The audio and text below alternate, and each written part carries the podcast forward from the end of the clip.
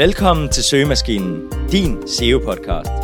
Dette er podcasten, der guider dig igennem SEO-junglen og giver dig muligheden for at få flere besøg på din hjemmeside.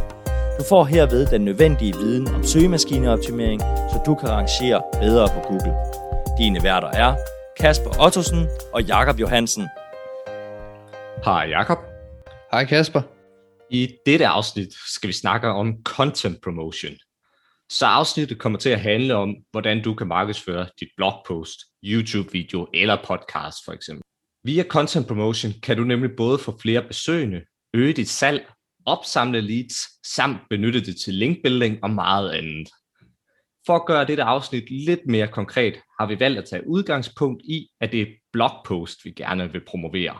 Men Jakob, vil du starte lidt med at snakke om organiske opslag på de sociale medier? Det kan du tro, for den første mulighed, vi skal snakke om for at promovere dit blogpost, det er via organiske opslag på sociale medier, og det er blandt andet Facebook, Instagram, Pinterest, LinkedIn osv. Og her der teaser du egentlig og linker til dit blogpost via de her sociale medier. Og lige nu så er LinkedIn den kanal, hvor du kan komme ud til flest mennesker med et organisk opslag. Men det er selvfølgelig vigtigt at vide, hvor din målgruppe er, for hvis de ikke er på LinkedIn, så er det selvfølgelig ligegyldigt. Så du skal finde det medie, der passer allerbedst til din målgruppe, og så se, om du kan få nogle læsere igennem det her medie. Præcis, og du kan faktisk også bruge sociale medier til andet. For eksempel Facebook-grupper. Du kan deltage i relevante grupper på Facebook, hvor man nemmere kan ramme sin målgruppe. Her kan du både lave nogle relevante opslag, eller være behjælpelig med at svare på folks spørgsmål. Det er blandt andet en taktik, som Jakob og jeg burde have benyttet med denne her podcast. Her kunne vi for eksempel linke til et afsnit, når den kunne være behjælpelig med at svare på et spørgsmål. Det er også et rigtig godt sted til at finde idéer til nyt, relevant content. Det næste punkt er selvfølgelig også, at du skal huske at optimere for, at dit content nemt kan deles. Så når du for eksempel laver et blog på, så kan det være en god idé at have nogle knapper eller øh, nogle features, hvor folk kan trykke for at dele dit opslag på for eksempel sociale medier, eller give det et like direkte, mens du er faktisk på hjemmesiden. Dog er det ikke helt så moderne at dele opslag mere, som, så den her taktik er ikke helt så effektiv. Til gengæld kan det give rigtig god mening, at til sidst i ens blogpost, at sige til læseren, at de for eksempel håber, at de får noget ud af den, og de vil benytte den til at dele det med nogle af de personer, det kunne være relevant for. Personligt vil jeg også langt hellere dele den med fem relevante kollegaer via en, en mail, end at dele den på Facebook eller LinkedIn.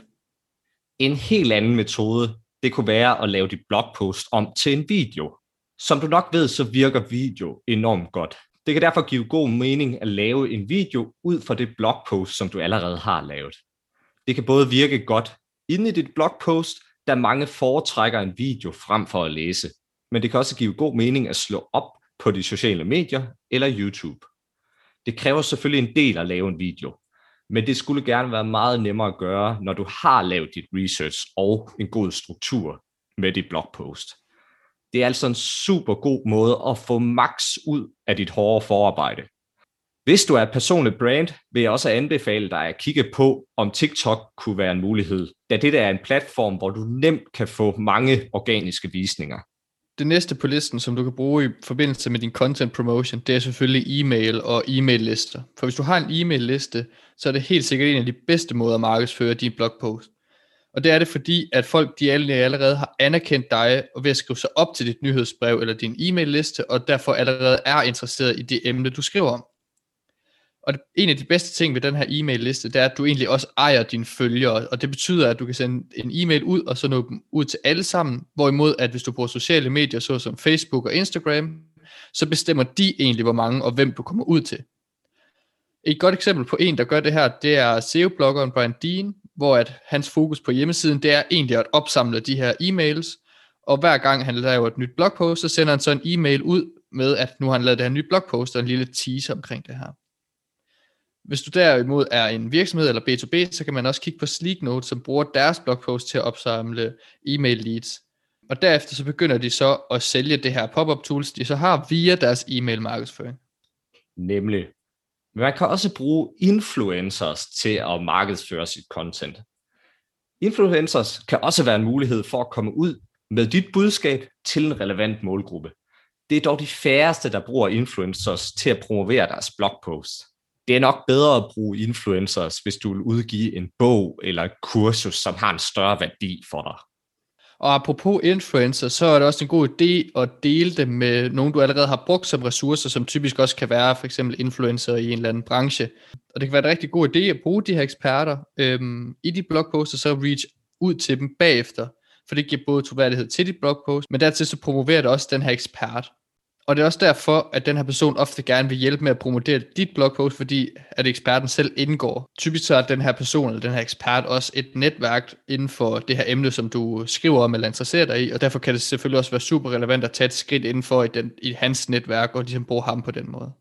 En af de nyere metoder til at promovere sit content er ved at blive gæst i et podcast.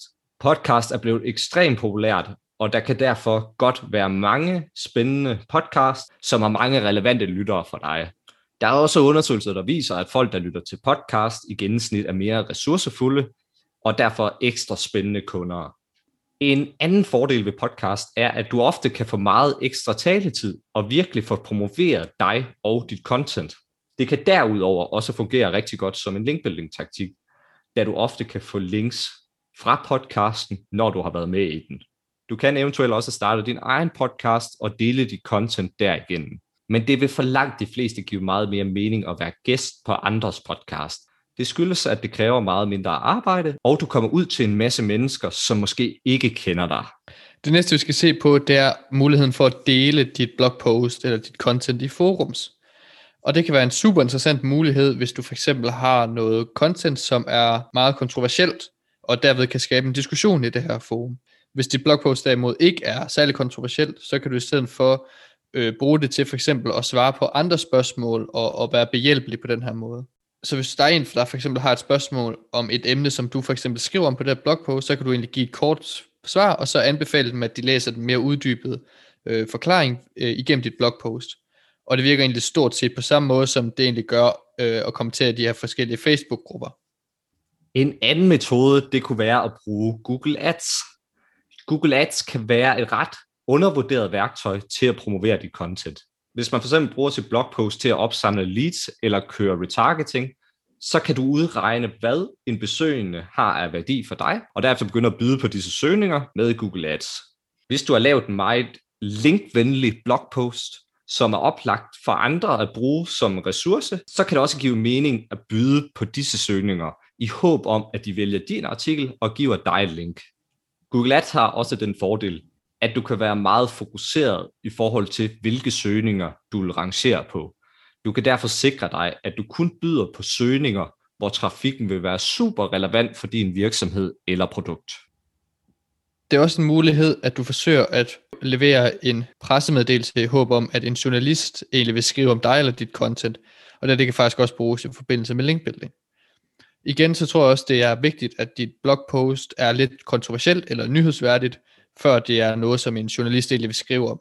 Det kan også godt være, at du skal prøve at arbejde i, at du skal være, lave nogle nye undersøgelser. Den her taktik kan give en stor gevinst, hvis du bliver promoveret i et stort medie, og måske også få trafik ud over et link derfra. Du kan da også nemt komme til at bruge meget tid på det her, uden at du får den store gevinst. Så man skal være meget selektiv med, hvad, hvad man prøver her. Den sidste metode, vi har med, det er guest posting. Guest posting har været meget populær over de sidste mange år, hvor de især har været brugt som en linkbuilding-strategi. Google har været ude og sige, at denne taktik ikke virker, men der er masser af undersøgelser, der viser noget helt andet. Ved guest posting skal du forsøge at finde nogle relevante sites, hvor du kan skrive et indlæg om næsten det samme emne, og så få link til dit blogpost. Hvis det er en taktik, du gerne vil fokusere på, så har vi lige nogle ekstra inputs, som du skal tænke over og få med på grund af Googles øget fokus på EAT og brand. Derfor vil vi anbefale dig både at promovere dig selv, altså dit navn, og din virksomhedsnavn i det her guestpost. Det vil være med til at øge din persons troværdighed og give dig mere brandgenkendelse i Googles øjne. Lige præcis, Kasper. Og hvis I gerne vil vide endnu mere om guestposting, så har vi faktisk lavet et afsnit om det for sig selv. Øhm, det er afsnit 19, som vi er meget velkommen til at tage et lyt til. Men det her, det var altså vores bud på, hvordan du kan promovere dit content, og ved at have fokus på at promovere vores podcast, så vi kan få endnu flere lyttere. Derfor så vil det hjælpe os ekstremt meget, hvis du vil dele det her afsnit med en eller flere personer, som du tænker, at det her det kunne være relevant for. Derudover er I meget velkommen til at give det en anmeldelse på iTunes, eller der hvor I lytter til podcast. Tusind tak, fordi I lyttede med.